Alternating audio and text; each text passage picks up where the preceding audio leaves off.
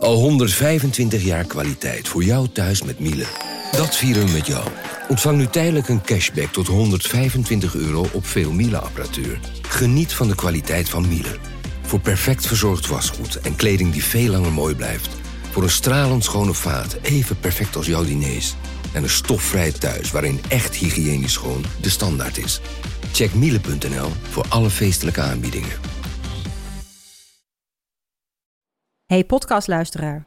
Ook op zoek naar een relevante invulling van je schaarse luisteruren? Tune dan in op de podcastserie ESG, even samengevat van BNP Paribas. Wij, Marloes en Aldert, spreken daar duurzame voorlopers en wereldverbeteraars. Waarover dan? Nou, bijvoorbeeld of we ooit duurzaam kunnen gaan vliegen. En waarom koeien in de stad nou een goed idee is? Dat en meer elke twee weken in een nieuwe aflevering. Dus abonneer je. ESG, even samengevat. Vanaf de redactie van NRC het verhaal van vandaag. Mijn naam is Thomas Ruip.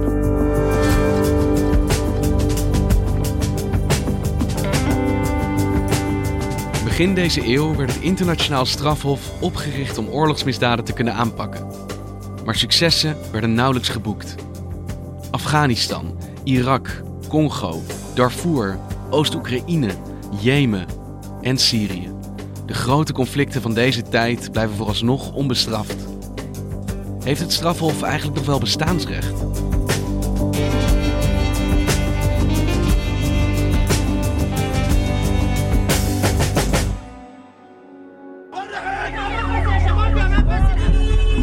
These are the frantic and horrifying scenes from a suspected sarin gas attack in northern Syria today. De oorlog in Syrië is het conflict van deze tijd waarin je zou willen dat de wereld kon ingrijpen. Hanneke China Fo is buitenlandredacteur.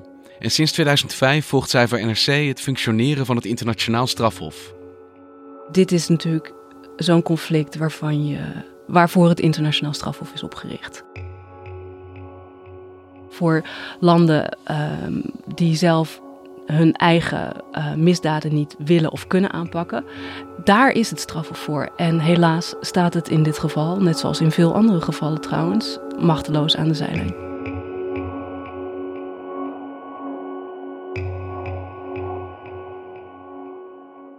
En dat is niet vanwege gebrek aan bewijs? Er is ongelooflijk veel bewijs in deze oorlog. Het is een uitermate gedocumenteerde oorlog. En uh, er zijn inmiddels 1 miljoen bewijsstukken hiervan bekend. En helaas uh, zijn die op dit moment niet bruikbaar door het internationaal strafhof, omdat zij geen rechtsmacht hebben over de oorlog in Syrië. Dat komt doordat um, Syrië geen lid is van het strafhof. En het alternatief dat het strafhof heeft voor landen die geen lid zijn, is een doorverwijzing vanuit de Veiligheidsraad. En die komt er steeds niet, omdat Rusland en China dat tegenhouden. Dos votos Two en contra. votes against. The result predictable, the reaction predictably angry. Russia and China vetoed a resolution which could impose sanctions on Syria, their position condemned by others on the UN Security Council. De bewijsstukken zijn dus voor het oprapen. Er is een instituut dat internationaal recht kan toepassen. Maar jij zegt dat gebeurt niet. En waarom? Ja, het is ontzettend frustrerend om steeds opnieuw er te zien. Maar als je dat wil begrijpen, moet je een heel eind terug in de tijd. Het internationaal strafhof is in uh, 1998 opgericht door een hele grote groep welwillende landen. Die uh, vonden dat er een permanente uh, rechtbank moest komen voor de vervolging van de grootste misdadigers in de wereld. En dit is allemaal voortgekomen uit de periode na de Tweede Wereldoorlog. Attention! Tribunal! Judges from Britain, America, Russia and France assemble in Nuremberg's courthouse. Na de Tweede Wereldoorlog zijn er de processen van Nuremberg geweest, waarin nazi-kopstukken uh, werden berecht. Wilhelm Hermann Goering, guilty of conspiracy, crimes against peace, war crimes, and crimes against humanity. Death by hanging.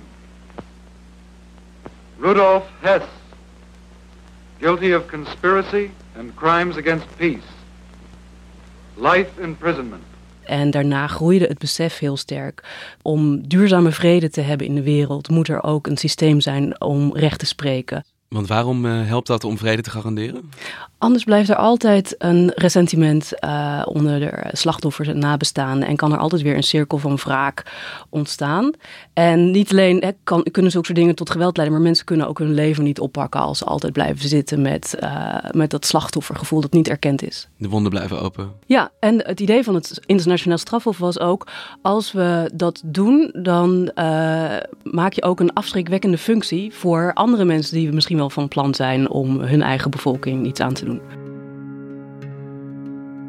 En dat, dat zou, ervan, uh, zou mensen ervan kunnen weerhouden om ook een oorlog te beginnen. Of om zich in te houden in een oorlog. Hè? Je kunt natuurlijk oorlog voeren, maar uh, binnen een oorlog kun je oorlogsmisdaden begaan. Dus buitensporig geweld. En was Nuremberg eigenlijk het allereerste grote internationale proces tegen oorlogsmisdadigers? Voor zover ik weet wel. En daarna zijn er natuurlijk uh, tribunalen opgericht in de jaren negentig voor de oorlog in voormalig Joegoslavië en de genocide in Rwanda. En zo'n tribunaal oprichten, dat, is gewoon een ontzettend lastig proces. Want je moet ook met z'n allen uh, afspreken welk recht er wordt gesproken. En dat recht is gegroeid door uh, het Joegoslavië-tribunaal en het Rwanda-tribunaal. Die hebben het internationaal strafrecht vormgegeven. En in 1998 is het Statuut van Rome uh, ondertekend en geratificeerd door de landen die deelnemen aan het strafhof. Dat is het oprichtingsverdrag van het strafhof. En daarin staat ook vastgelegd wat we uh, oorlogsmisdaden, misdaden tegen de menselijkheid en genocide vinden. Dat zijn de drie grote rechtsgebieden waar het strafhof over recht spreekt. Until now, when powerful men committed crimes against humanity, they knew that as long as they remained powerful, no earthly court could judge them. En uh, uiteindelijk is in uh, Rome, uh, met assistentie van de, de, Verenigde Naties, Kofi Annan was daar de secretaris-generaal, was het een groot moment waarin die landen allemaal zeiden: oké, okay, nu gaat de wereld een stap vooruit. I would now uh, want to ask my representative to the conference to place in your hands the Rome Statutes of the International Criminal Court. May it serve mankind well in generations to come. Thank you.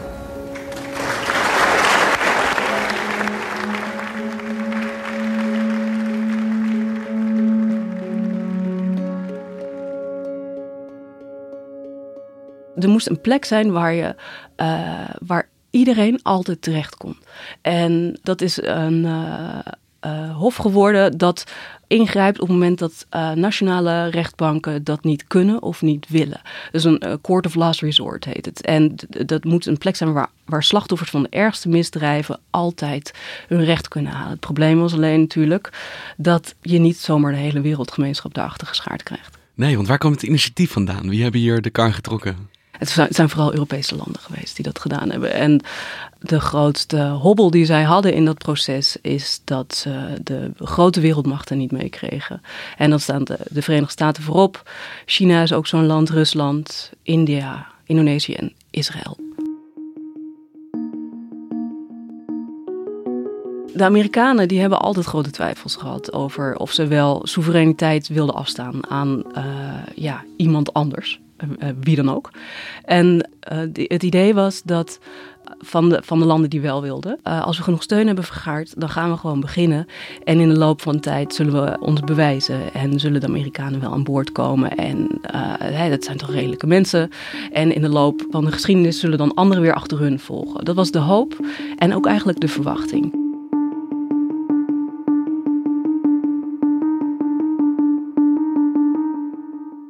Maar toen kwam uh, George Walker Bush aan de macht.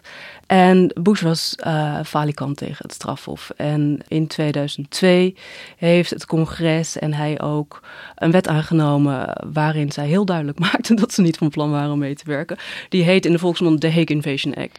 On Friday, President Bush signed into law the American Service Members Protection Act of 2002. The new law authorizes the use of military force to liberate any American or citizen of a U.S. allied country being held by the court. En die houdt in dat um, als er ooit Amerikanen uh, gedetineerd zouden kunnen worden in de uh, straf- of gevangenis in Scheveningen, uh, zij zich het recht voorbehielden om hen met militaire macht te komen bevrijden. Wacht, er is een wet getekend waarin gezegd wordt dat Den Haag kan worden binnengevallen. En die is nog altijd van kracht. Echt? ja, in theorie kan het. Ja.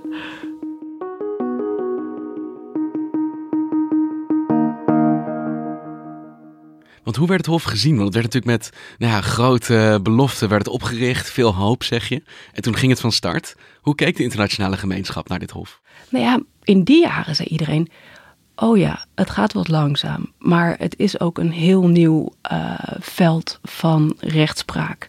Uh, dus dit zijn kinderziektes. En we blijven het Hof steunen en hoop houden.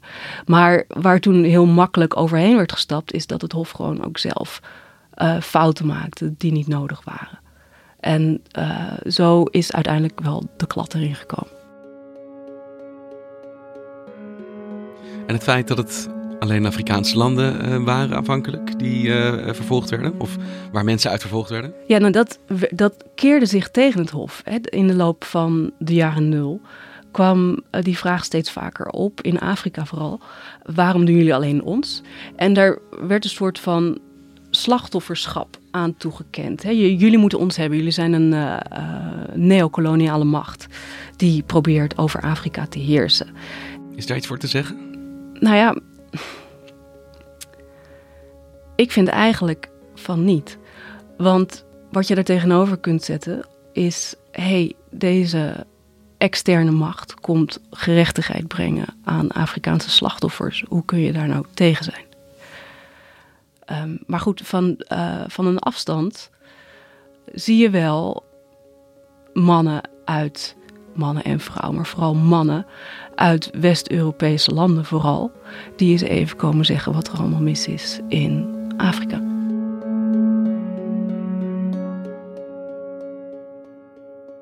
Maar ik kan me voorstellen dat het Hof dan wel zoiets heeft we moeten ook bewijzen dat we meer doen dan alleen vervolgen in Afrikaanse landen. Ja, kijk, de, uh, het grootste conflict in die tijd was de oorlog in Irak. Hè, waar de Amerikanen waren binnengevallen omdat Saddam Hussein uh, massavernietigingswapens zou hebben. Dus de verontwaardiging die toen ontstond is... waarom doen jullie wel Afrikaanse rebellenleiders en uh, Afrikaanse leiders... maar niet George Bush voor de oorlog in Irak? In de beginjaren was het wel duidelijk dat het Hof dacht... we moeten dit niet doen, want we hebben de Amerikanen nog nodig. Die moeten zich nog steeds aansluiten bij ons. Want dat was niet gebeurd in de tussentijd. Nee, dat was nog niet gebeurd. En hè, we moesten die deur open houden, want uiteindelijk is ons verlies groter als we, als we hen definitief niet meekrijgen, dan wanneer we ze nu niet vervolgen voor de oorlog in Irak.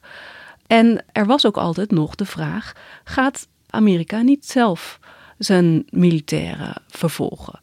Uh, dat, dat werd niet heel duidelijk dat ze dat niet gingen doen in die eerste jaren. Maar als ik even graaf mijn geheugen, heeft Amerika daar zelf niet zoveel meer aan gedaan. Nee, en de, de was, dat is altijd blijven slepen. En um, zelfs onder uh, president Obama zijn uiteindelijk die mensen niet vervolgd. Dus uh, wat betreft Amerika en Irak hebben ze maar een oogje toegeknepen? Ja, voor Irak zou je dat kunnen zeggen. Maar er was nog een grote oorlog van de Amerikanen in die tijd. En dat was die in Afghanistan.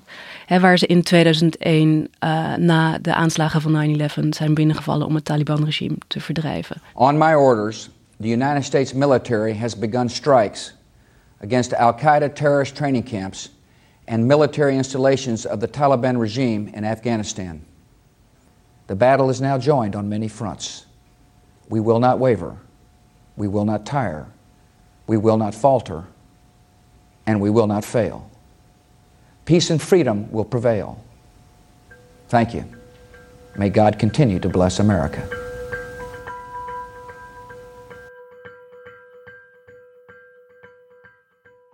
Toen in 2017 uh, de hoofdaanklager aan de rechters van het strafhof vroeg om een volwaardig onderzoek uh, naar oorlogsmisdaden in Afghanistan te mogen beginnen. En duidelijk werd dat daar dus ook Amerikanen in het vizier zouden kunnen komen, wa waren voor de Amerikanen alle remmen los. En uh, zowel Trump als zijn nationaal veiligheidsadviseur John Bolton, die sowieso al tegen het strafhof waren, werden nu ronduit vijandig. The United States will provide no support and recognition to the International Criminal Court. As far as America is concerned, the ICC has no jurisdiction, no legitimacy, and no authority. En op welke manier uitte zich dat, die vijandigheid? Nou ja, Bolton die kan altijd uh, hele vijandige toespraken houden van iedereen die samenwerkt met het straf of uh, hè, die krijgt met ons te maken. En zo deed hij dat ook vorig jaar in september in een toespraak, toen duidelijk was dus dat de hoofdaanklager een serieus onderzoek in Afghanistan wilde doen. Toen zei hij... We will not cooperate with the ICC. We will provide no assistance to the ICC. And we certainly will not join the ICC. We will let the ICC die on its own. Het Hof uh, uh, is uh, eigenlijk al dood voor ons. Dus we hoeven niet eens meer ons best te doen om het tegen te werken. We gaan gewoon toekijken hoe het langzaam sterft. After all, for all intents and purposes, the ICC is already dead to us.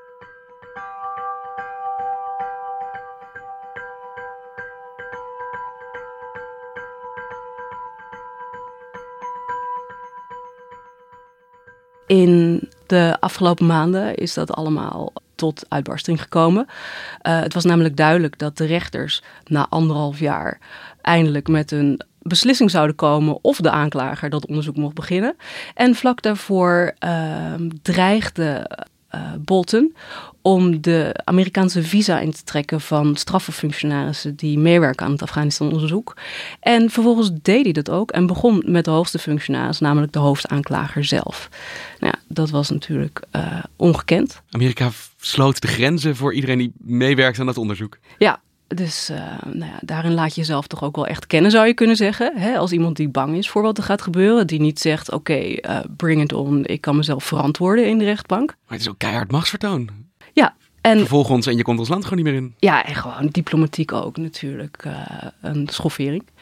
Maar goed, wat er een week later gebeurde was uh, zo mogelijk nog schokkender. Want toen maakten de rechters van het strafhof zelf bekend dat het onderzoek geen doorgang mocht vinden. Dus ze hebben toen zelf al die jaren van vooronderzoek van de hoofdaanklager naar de prullenbak verwezen. De rechters zelf hebben het onderzoek stopgezet?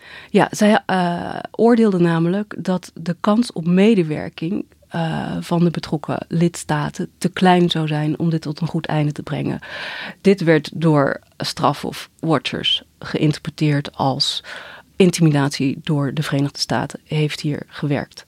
En het strafhof heeft dus zelf maar vast de stekker eruit getrokken en gecapituleerd. Maar dat is ook wat er gebeurd is. Want het signaal is hier, dus als je maar genoeg tegenwerkt, dan zegt het Hof: ja, wij denken niet dat we dit tot een goed einde kunnen brengen, dus we stoppen er maar mee. Ja, dat is het signaal. Je kunt ook zeggen: dit was de realistische benadering. Want als je wel zo'n strafrechtelijk onderzoek begint en jaren later blijkt dat het niet lukt door al die tegenwerking, sta je misschien alsnog voor paal in de rechtszaal omdat je zaak mislukt. En daar heeft het strafhof al genoeg ervaring mee. En uh, rek je nodeloos de hoop van slachtoffers op gerechtigheid.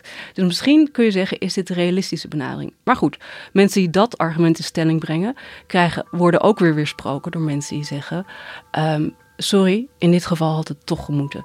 Je weet dat er geen Amerikanen uh, zullen verschijnen in Den Haag. Maar hier had het principe dat we ook achter de hoogste macht aangaan moeten gelden boven de realiteitszin.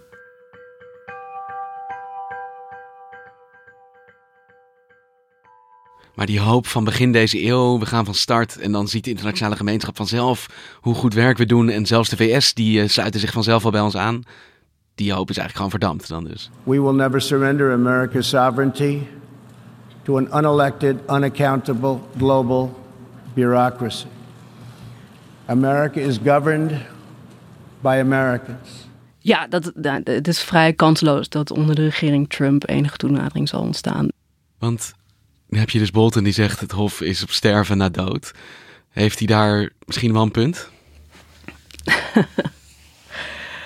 um, het Hof is op dit moment uh, bijzonder weinig effectief. Maar ik zou niet willen zeggen dat het sterft.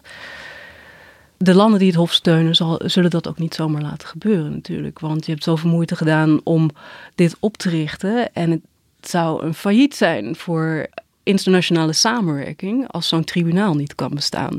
Dus alleen al om die reden uh, hou je het in stand. Maar verder moet er natuurlijk wel een hele hoop gebeuren om het Hof goed aan de praat te krijgen. Ehm, dus het Hof zal wel echt resultaten moeten laten zien, anders verliest uiteindelijk iedereen zijn hoop.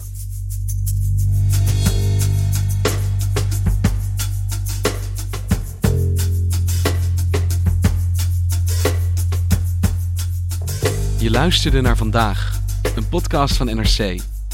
Eén verhaal, elke dag. Dit was vandaag, morgen weer.